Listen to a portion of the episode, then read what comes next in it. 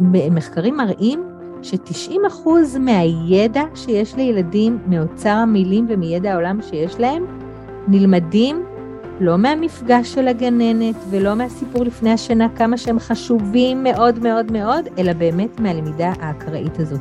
פשוט אינפורמציה שמשייטת בסביבה, והילדים, בעזרת חוש השמיעה, קולטים אותה. אני תמיד אומרת שידע זה כוח. אם נדע ונבין איך ילדים לומדים לדבר, אז במקום להסתובב עם איסורי מצפון שאנחנו לא עושים מספיק, פשוט נדע ונוכל לקדם את הדיבור שלהם. ואיך כל זה קשור לשמיעה שלהם? פתיח ומתחילים. ברוכים הבאים לטיפול בדיבור, הפודקאסט הראשון והיחיד בארץ בתחום קלינאות התקשורת. אני נועה ברק, אימא לשישה מתוקים, קלינאית תקשורת התפתחותית מאז 2010, מדריכת הורים, מלווה התפתחותית, ויוצרת משחקים טיפוליים ותוכניות לשיפור הדיבור. הפודקאסט עוסק בתחום השפה והדיבור מנקודת מבטה של קלינאית התקשורת, דמויות להורים ולכל מי שנמצא בתקשורת יומיומית עם ילדים. חפשו אותי באתר שלי noabarak.co.il ועקבו אחריי גם ברשתות החברתיות. האזנה נעימה. שלום לכל המאזינים והמאזינות, נמצאת איתנו היום פיונה מרגליות. פיונה היא קלינאית תקשורת, אודיולוגית, תכף אנחנו נדבר על מה זה אומר בעצם אודיולוגית, עובדת גם בהתפתחות הילד ובמסגרות לחינוך מיוחד, היא ראש תחום קלינאי תקשורת במרכז ההתפתחותי ת' לת' במודיעין עילית, ומדריכה סטודנטים וקלינאי תקשורת. בוקר טוב יקרה, מה שלומך? בוקר טוב, ברוך השם. רק תיקון קטן, אני לא אודיולוגית, אני לא עושה בדיקות שמיעה, אבל אני עוסקת באודיולוגיה חינוכית. זאת אומרת שאני עובדת עם ילדים שהם אה, לקויי שמיעה. מעולה. גם. אז, אז בואי באמת נתחיל מלדבר על הקשר הזה בין שמיעה ודיבור, ולמה תחום קלינאות התקשורת, לפחות בארץ, אנחנו יוצאים כקלינאיות תקשורת שאנחנו מוכשרות לעבוד גם בשמיעה וגם בדיבור, יש מקומות uh, אחרים בעולם שבהם זה לא ככה, אבל uh, בואי נדבר באמת על, ה, על הקשר הזה בין שמיעה ובין דיבור. Um, אז יש כל מיני רמות שבהן אפשר לדבר על הקשר הזה. זה תמיד היה ברור, גם לפני כל אה, מחקרי המוח שיש היום, היה ברור שיש קשר בין שמיעה ודיבור, אה, פשוט בגלל העובדה שאנשים שלא שמעו, לא, לא דיברו, לא פיתחו דיבור כמו, כמו אנשים שומעים. אה, אפילו פעם היו קוראים להם חרשים אילמים.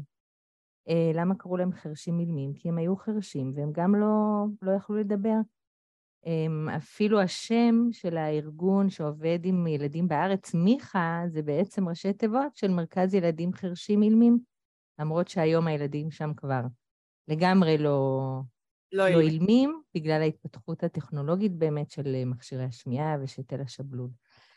אמ, כשהתחילו מחקרי המוח, אז בעצם ראו שהם המוח בעצם מתפתח ומתפתחים אה, קשרים בין התאים במוח אמ, כשהמוח מקבל גריעה.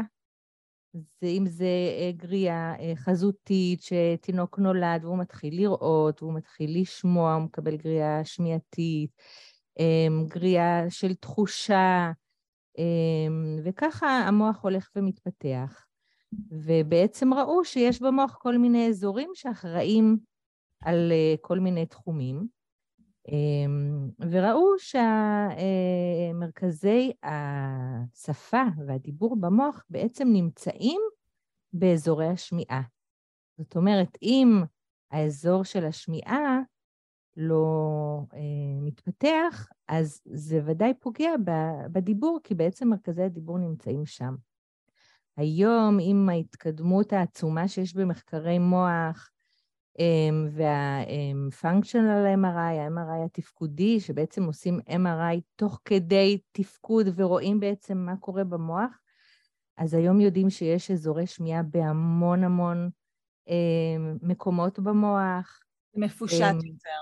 נכון, גם באזורים שקשורים לתפקודים ניהוליים, לקשב וריכוז, אם פעם חשבנו שילד שיש לו קשיי שמיעה, אז יש לו גם קשיי קשב, כי קשה לו לשמוע, אז כמה הוא יכול להתאמץ. היום יודעים שממש האזור הזה לא, לא מקבל מספיק גריעה אם יש אה, בעיה בשמיעה.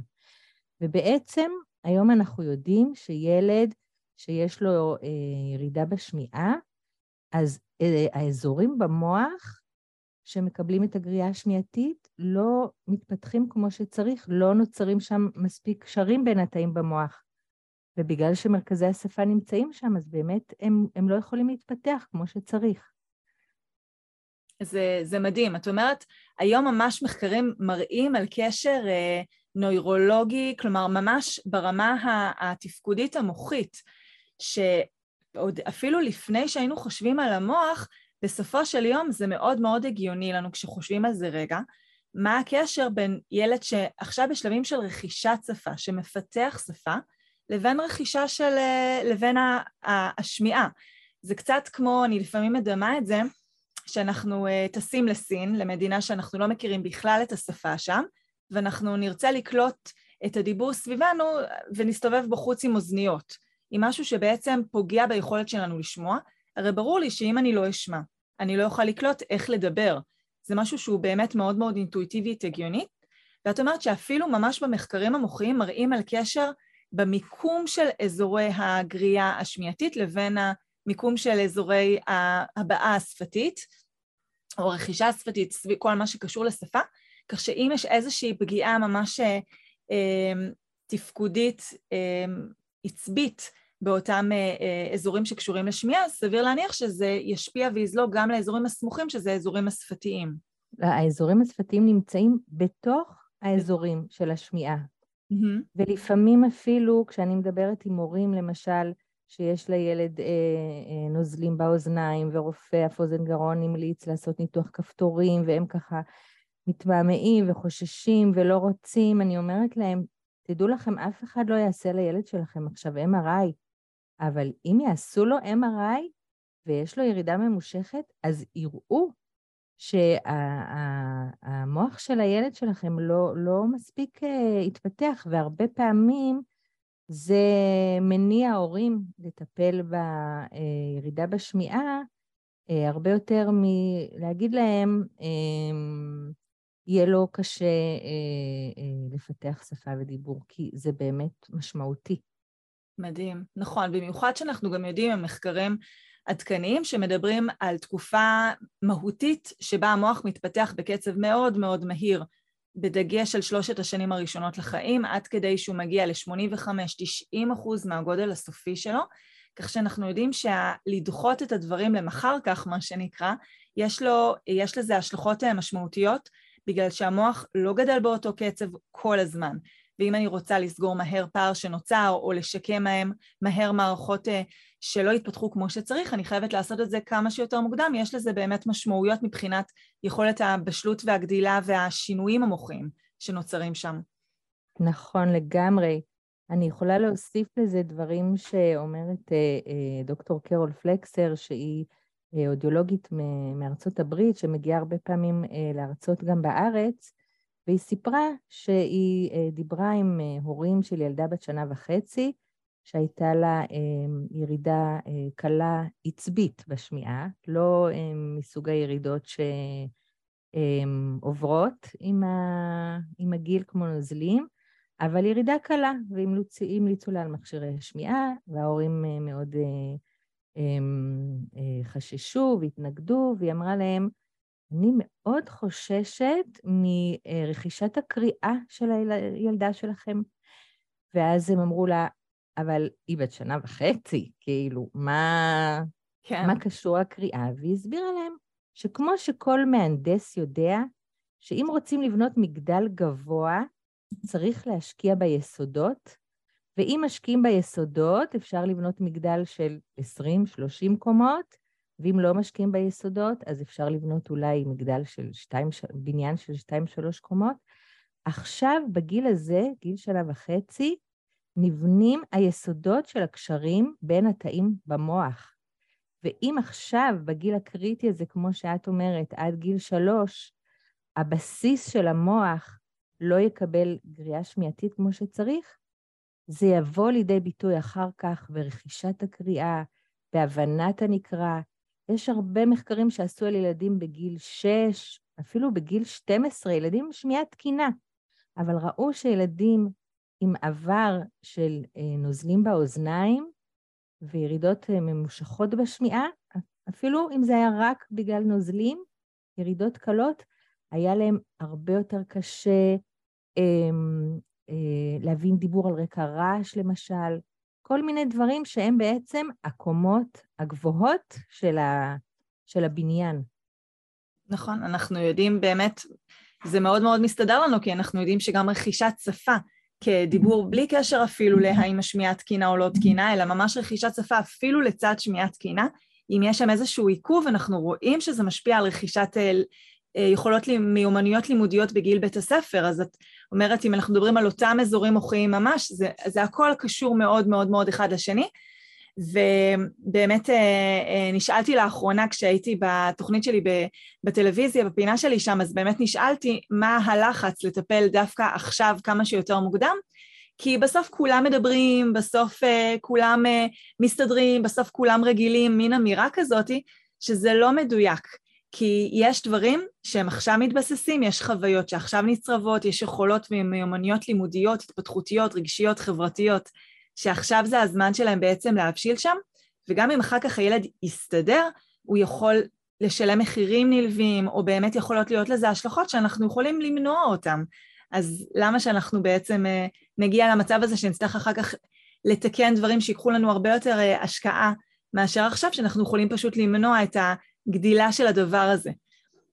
נכון, האמירה הזאת שאחר כך כולם מסתדרים, היא לא, היא לא ממש נכונה. נכון. אמ, אה, יש כאלה שלא, שלא מסתדרים. אה, יש להם קשיים בהבנת הנקרא, כמו שאמרתי, קשה להם להסתדר כשיש אה, רעש, אבל זה דברים שהרבה פעמים לא יודעים לקשר אותם בדיוק. בעצם לזה שהיו נוזלים באוזניים, אבל במחקרים שבודקים קבוצות של ילדים שיש להם קשיים בבית הספר בגיל המאוחר, רואים אחוז מאוד גבוה של ילדים אה, שהייתה להם אה, ירידה ממושכת בשמיעה. כמובן, לא כל דלקת אוזניים או חודשיים של קצת נוזלים, זה לא מה שמשפיע, אבל הילדים שיש להם ירידות אה, ממושכות, וכל החורף זה יכול להיות שמונה חודשים, זה המון זמן. נכון. אה, בהחלט יש לזה השלכות. נכון. בואי באמת נדבר עד כמה זה נפוץ, ירידת שמיעה בגיל הרך, עד כמה אנחנו, זו תופעה שאנחנו נתקלים בה הרבה. אמ, אז בואי נגיד שממש אה, חרשות או לקות אה, אה, של, שהיא עצבית, זה משהו כמו אחד לאלף ילדים. שזה אבל... 1 אחוז, כן. כן. אבל אה, ירידה בשמיעה בגלל אה, אה, נוזלים, אפשר להגיד ש-35% מהילדים וואו. במהלך הילדות יחוו איזשהו אה, זמן של ירידה בשמיעה. ולא, אה, אם ניכנס היום לגן ונעשה בדיקות שמיעה לכל הילדים, אז לא יהיו 35% מהילדים שנגלה ירידה בשמיעה, אבל אה, בהחלט 35% מהילדים מתישהו במהלך הילדות יחוו ירידה בשמיעה, ו... אה, עשו מחקר מרתק ב-2010 בארץ, דרך משרד החינוך. אה, דוקטור אורלי אלפרין, שהייתה אחראית על כל הנושא של השמיעה במשרד החינוך, עברה עם אה, מכשיר נייד לבדיקות שמיעה בגני חינוך מיוחד, ובדקה קרוב ל-700 ילדים, mm-hmm. והממצאים היו ש-50.6% מהילדים נכשלו בבדיקות השמיעה בגני חינוך מיוחד. זה אחוז עצום, זה בזמן נתון, מעל מחצית הילדים הייתה להם בעיית שמיעה. וזה גם, רק מראה לנו באמת את ההשפעה של הירידה בשמיעה, כי יכול להיות שאם חלק מהילדים האלו היו מאותרים קודם, אולי הם לא היו מגיעים לחינוך המיוחד. ובאמת, בעקבות המחקר המדהים הזה, יצא ב-2011 חוזר מנכ"ל ש, של אה, משרד החינוך, שכל ילד שמגיע לאיזושהי ועדה אה, שקשורה לחינוך מיוחד, צריך להציג אה, בדיקת שמיעה. אה, אבל עדיין, אה, יש מקומות שהילדים מציגים אה, בדיקת שמיעה, בודקים, יש לכם בדיקת שמיעה? כן, מסמנים וי, הציגו בדיקת שמיעה. אין שם בעצם בוועדה קלינאית תקשורת שיודעת מה המשמעות שלה. אמ, יש מקומות שלא אוכפים את זה. אמ, וגם אם ילד מראה ליקוי שמיעה קל, וההורים אומרים, אמ, הרופא אף אוזן גרון אמר לחכות שלושה חודשים, זה לא עוזר כי בעצם אף אחד לא בודק שבאמת אה, בדקו אחרי שלושה חודשים, האם אה, אה, חזרו על בדיקת השמיעה, האם טיפלו. אז גם היום יש הרבה מאוד ילדים שמגיעים לחינוך המיוחד, כשבעצם בסך הכל היו להם אולי נוזלים באוזניים שלא טופלו. מדהים, וואו.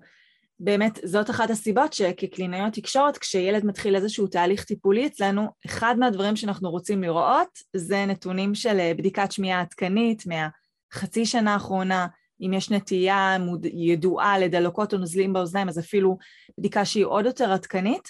וזה לא משהו שהוא מעכב תחילת מענה לילד, כלומר אם הילד הבנו וזיהינו עיכוב בדיבור, אנחנו נתחיל לתת לו את המענה שהוא זקוק לו, ובמקביל אנחנו נברר את הנושא השמיעתי, אבל זה בהחלט משהו שאנחנו צריכים לקבל עליו גם את התמונה ואת הדעת, כי זה יכול גם להשפיע על האופן שבו אנחנו ניתן לו את המענה, על הערוצים אה, שבהם אנחנו נתמקד כדי לעזור לו לסגור את הפער בדיבור, ולכן זה באמת משהו שהוא מאוד מאוד חשוב לשים עליו את הדעת ולא לפספס אותו בתוך התהליך הזה.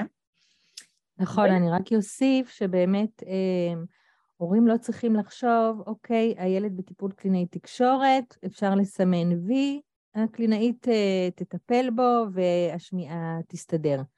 גם אם הוא יקבל כל יום טיפול קלינאי תקשורת, וזה לא אפשרי כמובן, אבל גם אם הוא יקבל כל יום טיפול קלינאי תקשורת, זה לא יכול לפצות על 24-7 של, של שמיעה. השמיעה, זה, זה אפילו לא כמו הראייה, כן? כשאנחנו עוצמים עיניים ואנחנו הולכים לישון, אנחנו לא רואים, אה, אי אפשר לעצום את האוזניים. אנחנו באמת שומעים 24-7, גם כשאנחנו ישנים. שום טיפול קלינאי תקשורת, טובה ככל שהיא תהיה, לא יכול אה, לפצות על, אה, על ירידה בשמיעה. חייבים לטפל בשמיעה. נכון. בסופו של דבר אנחנו מדברים פה על קליטה טבעית, יומיומית, קבועה, בכל אינטראקציה, בכל חשיפה, אפילו לא אינטראקציה, בכל חשיפה כלשהי לסביבה, ש... לגמרי. לגמרי. ויוצרת שם את הגירוי. איך הורה באמת, אה, מה, מה התסמינים, או מה יכול לגרום להורה לחשוד, או להדליק נורות אדומות, או איזשהו ספק שאולי יש לילד שלו איזושהי ירידה בשמיעה? אז הדבר הנפוץ ביותר, ודווקא הכי פחות ידוע, זה פשוט בעיות התנהגות. אמ, קודם כל בגן, מה זה גן בעצם? זה מסגרת של עוד 30 ילדים ויותר. יש רעש כל הזמן. אמ, הגננת לא עומדת קרוב לילד כמו האימא שיושבת לידו בשולחן האוכל. היא עומדת רחוק יותר, וילדים, אפילו עם ליקוי מזערי בשמיעה, אה, קשה להם לתפקד ברעש וקשה להם לתפקד במרחק. ואז אה, זה מעייף וזה מתסכל. ויש כל מיני פספוסים כאלו שהילד לא שומע. יכול להיות שהם קבוצה של ילדים משחקת, או, או יושבים בשולחן ועושים יצירה, וילד אחד אומר לילד השני, אמ, אני לוקח שנייה את האדום, והוא לוקח לו את האדום, אבל הילד עם הירידה בשמיעה לא שמע, חטפו לי, הוא חטף לי, כל מיני דברים כאלה, אה, ואי הבנות כאלה על רקע של פספוסים, או הגננת אומרת משהו לעשות והילד לא שמע, שזאת הייתה ההוראה. אמ, ו... ואז הגננת מתחילה להגיד שיש לו בעיה של גבולות, ובאמת, הסמן הראשון זה קשיי אה, התנהגות. גם בבית יכול להיות, אה, יכולים להיות דברים כאלה שההורים אומרים לילד משהו והוא לא עושה ובעצם הוא פספס והוא לא שמע, או אימא אומרת לילד, אה, הוא יושב בסלון ואימא בדלת אומרת, אני שנייה הולכת לשכנה להביא כוס אה, סוכר, והילד לא שמע, ופתאום אימא נעלמה, והוא נכנס להיסטריה. כל כך הרבה פספוסים כאלה ביום-יום יכולים להיות בגלל השמיעה. אני יכולה לספר אפילו על um, ילדה בכיתה א', שהייתה לה ירידה בשמיעה, שאימא שלה סיפרה לי שהמורה ידעה שיש לה אה, בעיה בשמיעה, ולכן היא, יושיב, היא ישבה בשורה הראשונה, אבל נכנסה מורה ממלאת מקום שלא ידעה. והילדה ישבה בשורה הראשונה בצד אה, ימין, ונכנסה מורה ממלאת מקום, והפנתה את הראש ככה לכל הכיתה מצד לצד, והתחילה, והיא אמרה, לא להוציא מחברות. הילדה הוציאה מחברות. פספסה את הלא. פספסה את הלא. ו... והיא נענשה. ואז האמא אמרה לי, אבל איך זה יכול להיות? היא שמעה את ה... להוציא מחברות, איך היא לא שמעה את הלא? אז מספיק שהמורה הפנתה את הראש והתחילה את המשפט לכיוון שמאל, והעבירה את הראש לכיוון ימין ואמרה, לא להוציא מחברות. הילדה שמעה להוציא מחברות. ילדים שיש להם ירידה קלה בשמיעה, כל הזמן יש להם פספוסים כאלו. אז הקשיי התנהגות הם הראשונים שעולים, והרבה פעמים הם, כשהורים שואלים אותי, או שגננות אה, אומרות לי, הילד יש לו, פתאום ילד קטן מתחיל לנשוך, או כל מיני דברים כאלה, אני אומרת להם, דבר ראשון, בדיקת שמיעה. לפני שתגידו זה בגלל שאבא היה במילואים, שנולד לו אח, שעברו דירה, בדיקת שמיעה. אז באמת העניין ההתנהגותי. הם, עוד סמן זה הילדים שאומרים, מה? כי הם לא שומעים ואומרים מה. עכשיו, הרבה פעמים אני שומעת מהורים, הוא סתם אומר מה. כן. למה אתם חושבים שהוא סתם אומר מה? כי אני אומרת לו משהו, ואז הוא אומר מה, ואז אני אומרת לו, מה אמרתי? והוא חוזר מילה במילה על מה שאמרתי. סימן שהוא לא שמע. אבל זה לא נכון. כי ילדים שיש להם ירידה בשמיעה, המוח מצליח להשלים את, ה, את החסר. למשל, אימא אמרה משהו על, אמ, על אה, קוף, נגיד, והמוח לא באמת שמע אם האימא אמרה קוף, או תוף, או כוס, או משהו דומה. אבל הם דיברו על גן החיות, על הביקור שהיה להם בגן החיות. אז המוח השלים את המילה קוף. אבל זה לוקח זמן.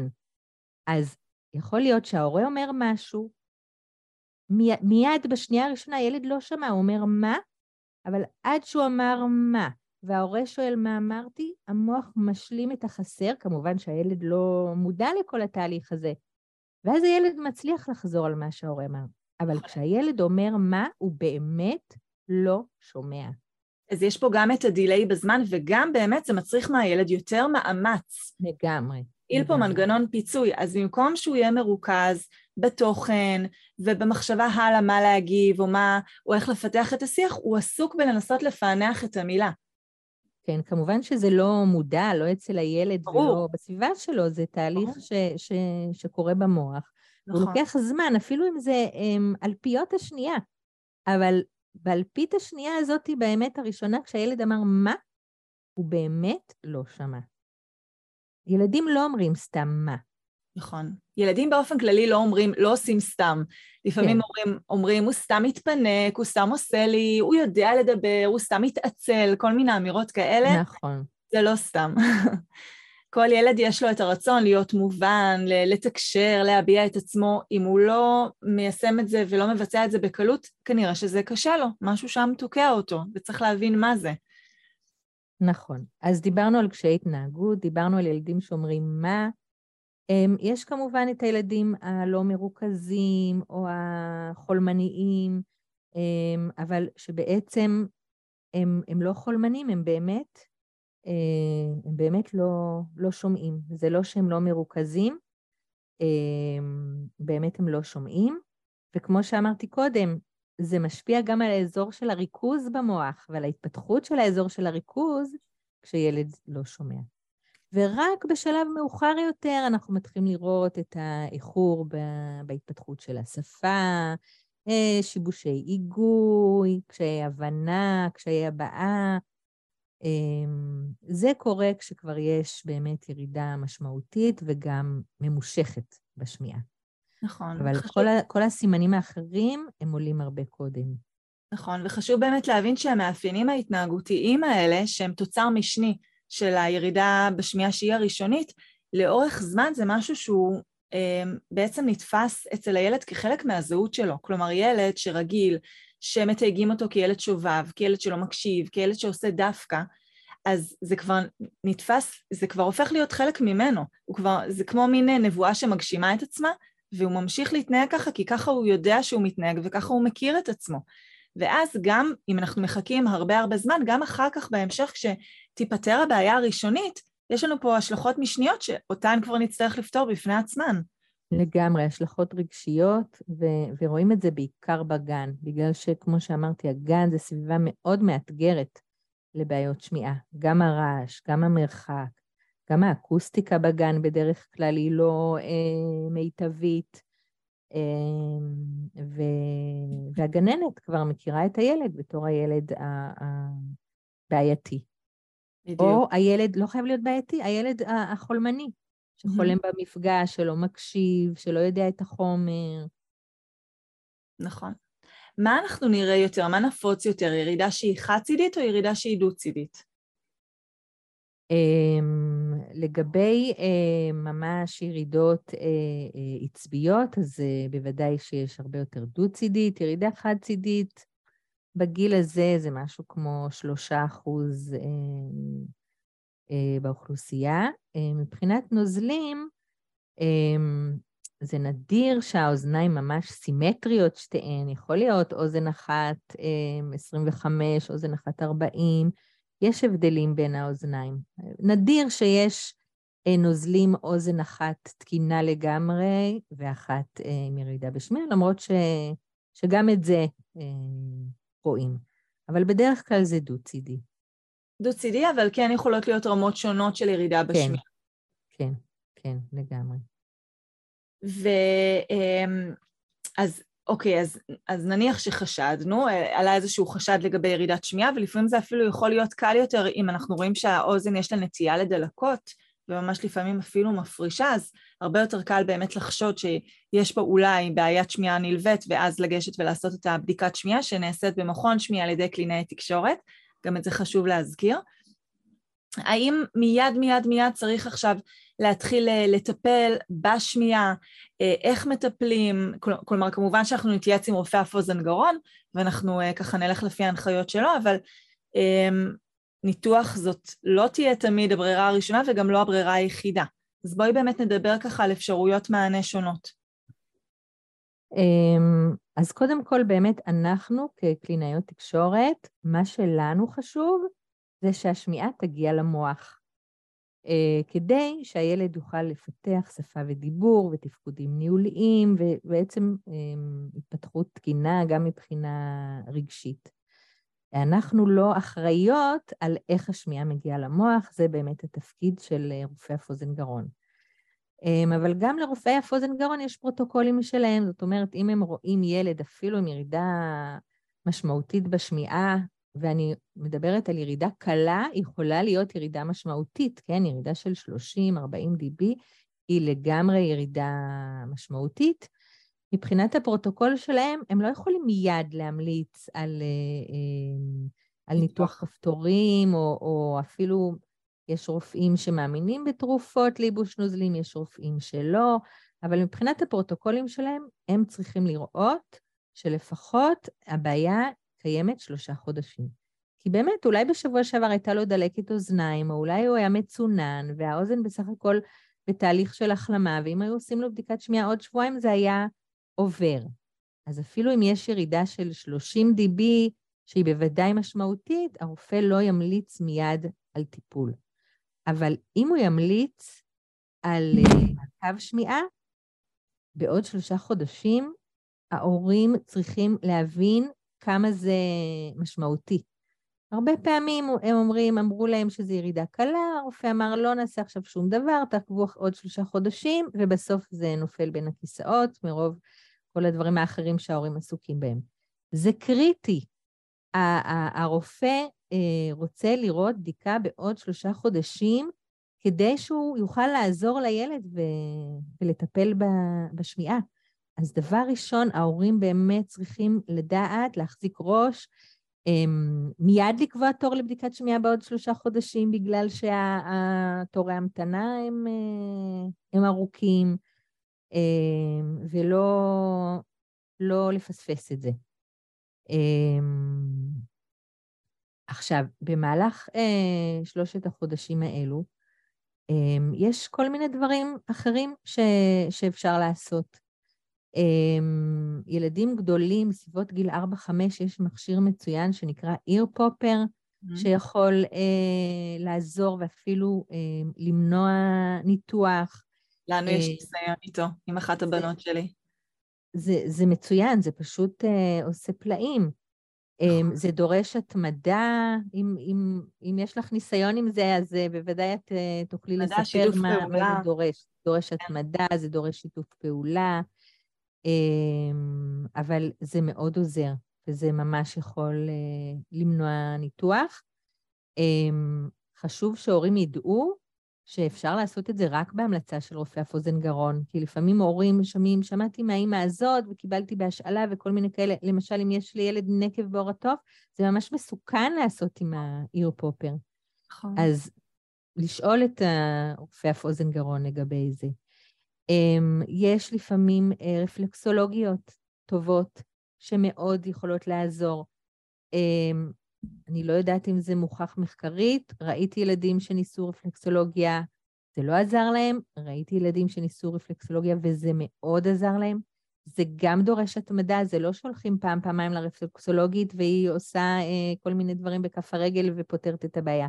זה היא מלמדת את ההורים איך לעשות, והם צריכים כל יום, אפילו כמה פעמים ביום לעשות, ואם מפסיקים עם זה, אז הנוזלים חוזרים.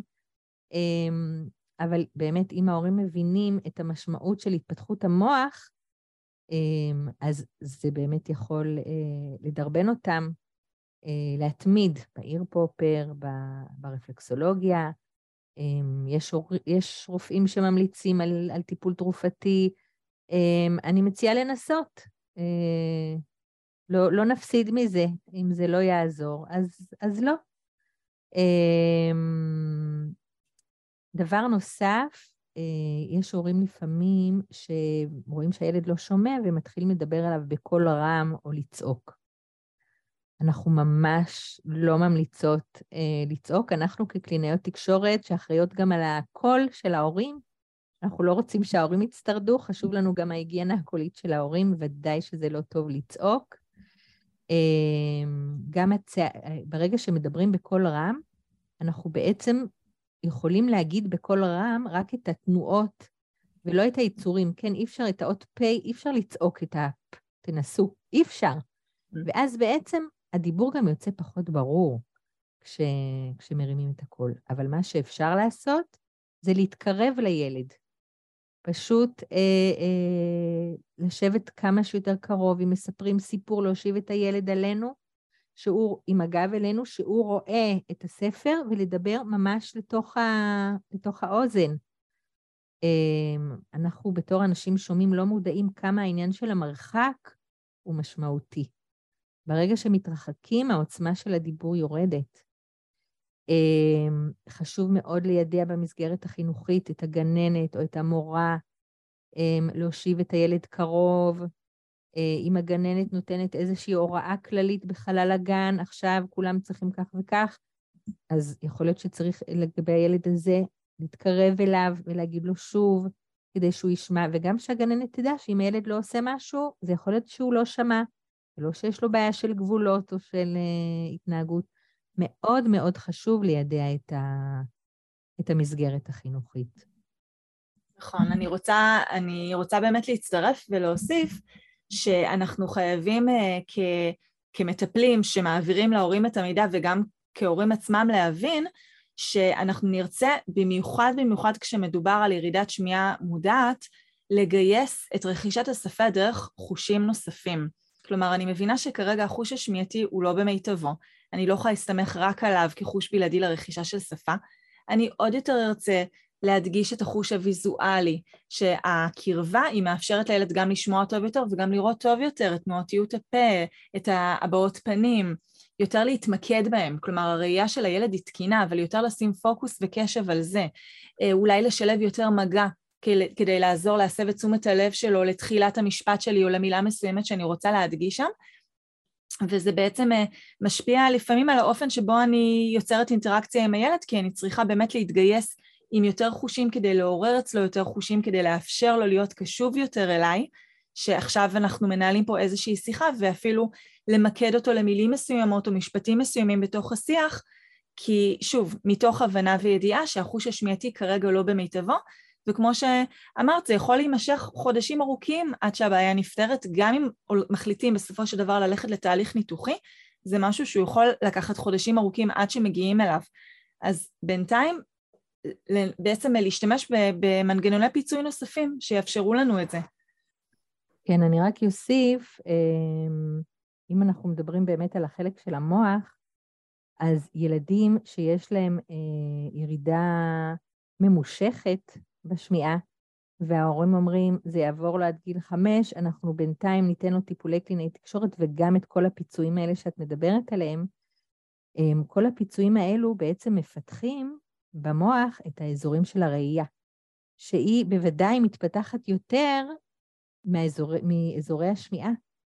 ואז אחר כך אמ, אנחנו נראה שהמוח בעצם יבחר להתייחס יותר גם בעתיד לגירויים של ראייה.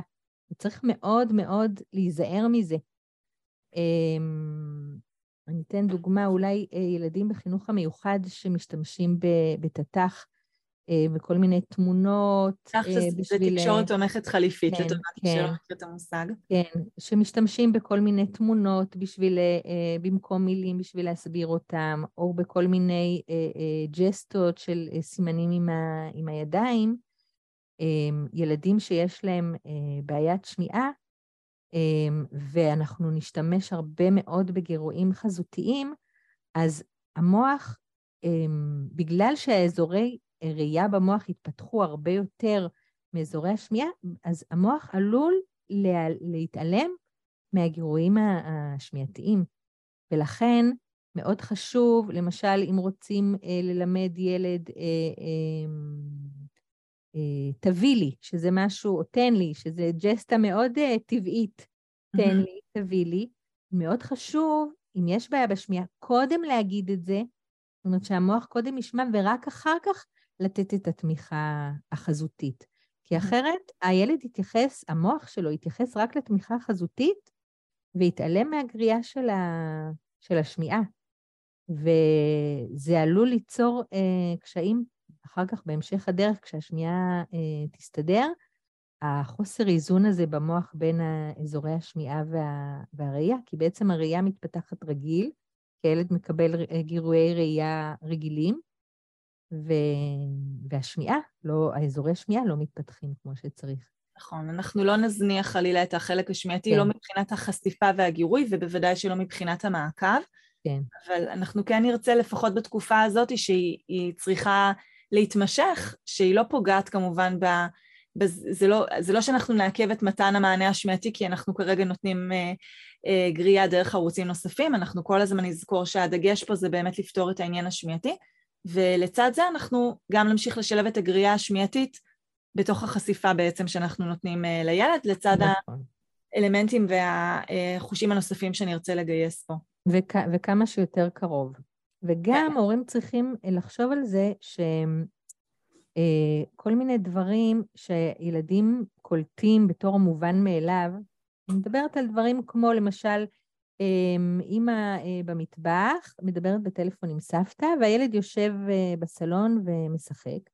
אז ילד עם שמיעה תקינה ידע שבשבת נוסעים לבקר את סבא וסבתא, גם שאף אחד לא יגיד לו את זה, כי הוא פשוט שמע מרחוק את אימא בטלפון, ואפילו שהוא לא שמע את סבתא, הוא מבין שהיא דיברה עם סבתא, והוא מבין שזה מה שהם דיברו, שהם ייפגשו בשבת.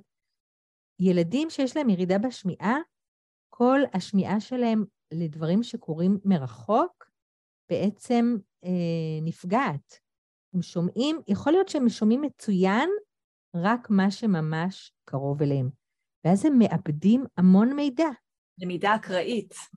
מחקרים מראים ש-90% מהידע שיש לילדים, מאוצר המילים ומידע העולם שיש להם, נלמדים לא מהמפגש של הגננת ולא מהסיפור לפני השינה, כמה שהם חשובים מאוד מאוד מאוד, אלא באמת מהלמידה האקראית הזאת. פשוט אינפורמציה שמשייטת בסביבה, והילדים, בעזרת חוש השמיעה, קולטים אותה, והרבה מאוד מהאינפורמציה הזאת היא מרחוק. ילדים שיש להם בעיית שמיעה, הם מפספסים את זה. אז מאוד מאוד חשוב, כשיש ירידה בשמיעה, שההורים יהיו על זה. להגיד לילדים על דברים ש, שקרו, שעומדים ל, לקרות, דברים ככה שמדוברים בחלל הבית, צריך להגיד להם את זה באופן ישיר, כי הם פשוט לא חשופים לזה במרחק. הלמידה הופכת להיות מאוד מתווכת בעצם, מאוד ישירה. נכון. אנחנו מפספסים את הלמידה הקריאית, ושוב, העניין הזה של מודעות, אני חושבת ש... אני ככה חושבת שמי שיכול להיות שמאזין לנו, זה יכול לעורר איזשהו לחץ או, או חרדה לשמוע את ה, כמה זה חשוב וכמה זה משמעותי וכמה זה משפיע, וחלילה זאת לא הכוונה שלנו, הכוונה שלנו היא לעורר מודעות. כי ברגע שיודעים ומבינים חשיבות של משהו והשלכות, וזמן שהוא מהותי, ו- וגם דרכים איך אפשר בתוך הזמן הזה לתת מענה, אז זה מאפשר לנו לסייע לילד. וכל עוד אנחנו אה, לא מבינים את המשמעות של הדברים, אנחנו עלולים, לא מתוך חלילה כוונה רע, כי ברור שכל כוונה של כל הורה היא הכי טובה עבור הילד שלו, אבל כשהורה לא יודע ולא מבין, הוא עלול לפספס פה דברים שאחר כך קשה מאוד לתקן אותם, וזאת בעצם כל המטרה פה. נכון, לגמרי, לעורר את, ה, את המודעות, אה, שאם הרופא המליץ כבר על ניתוח כפתורים, אז כנראה שבאמת אה, זה משהו שחשוב לעשות ולא כדאי לדחות אותו, או אם הרופא המליץ על בדיקת שמיעה, מעקב עוד שלושה חודשים, לא לפספס את זה ולא לשכוח את זה, זה מאוד מאוד חשוב. מאוד, ה- הידע הוא כוח. בדיוק. חשוב שהידע הזה יהיה אצל ההורים, שהם ידעו כמה זה משמעותי, ושהם ידעו באמת אה, לפעול. לגמרי, נכון. וואו, ממש ממש מרתק. הוספת ככה דברים שגם אני לא ידעתי אותם, על הקשר הממש מוחי, המבני, בין אה, אזורי שפה ושמיעה, ובאמת אה, כמובן על ההשלכות של זה. ככה לקראת סיום, יש איזושהי תובנה או דבר נוסף שהיית רוצה לסכם לטובת המאזינים שלנו?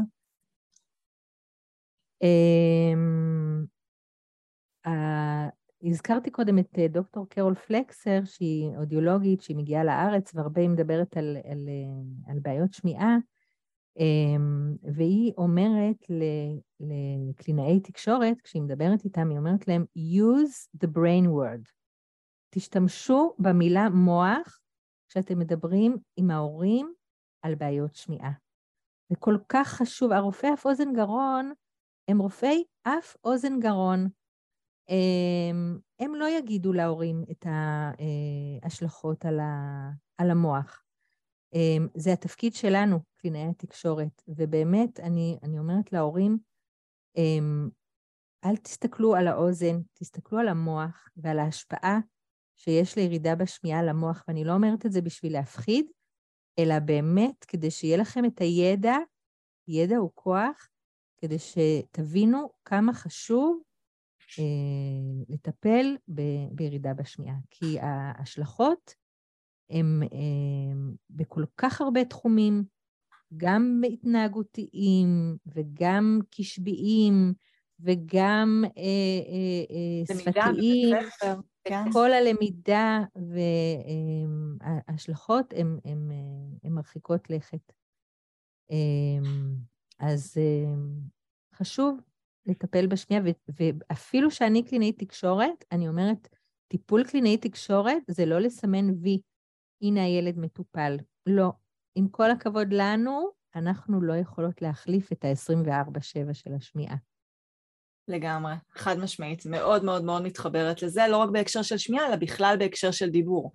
כן. אה, הורים חייבים באמת אה, להיכנס לתמונה, וזה מאוד מדויק מה שאת אה, אומרת, אני מאוד מתחברת לזה. שורה תחתונה זה לא שילד ישמע, שורה תחתונה זה מה קורה בעקבות השמיעה. זה היכולות החברתיות, הרגשיות, הלימודיות, השפתיות, זאת המטרה הרי שהוא ישמע. סתם ככה לשמוע זה נחמד, זה יוצר איזושהי הנאה, אבל מה, מה קורה שם בעקבות השמיעה, זה הדגש החשוב מבחינתנו, ופה באמת נכנסת ההתפתחות המוחית. שברגע שהורים מבינים, זה גורם להם יותר להתגייס ולפעול. לגמרי. כל עוד זה רק, אוקיי, שמע, לא שמע, בסדר, אז מה, אז שמע פחות, אבל כשמבינים מה ההשלכות של זה מבחינת המוח, אז הורה מבין עד כמה חשוב שהוא יפעל עכשיו. נכון, לגמרי. תודה רבה רבה שהגעת להתארח בפודקאסט טיפול ודיבור, היה באמת מרתק. תודה לך, ובהצלחה להורים בהתמודדות עם אה, ליקוי שמיעה קל, כי זה לא קל, ו-35% מההורים יחוו עם הילדים שלהם אה, תקופה של ירידה בשמיעה, מתישהו במהלך הילדות. כן, בהצלחה רבה. תודה שהאזנתם לעוד פרק בפודקאסט טיפול בדיבור. רוצים לקבל כלים מיידיים ולעזור לילדים שלכם לדבר טוב יותר כבר עכשיו? שילחו הודעה לנייד 050-769-4841 ואולי נדבר בקרוב.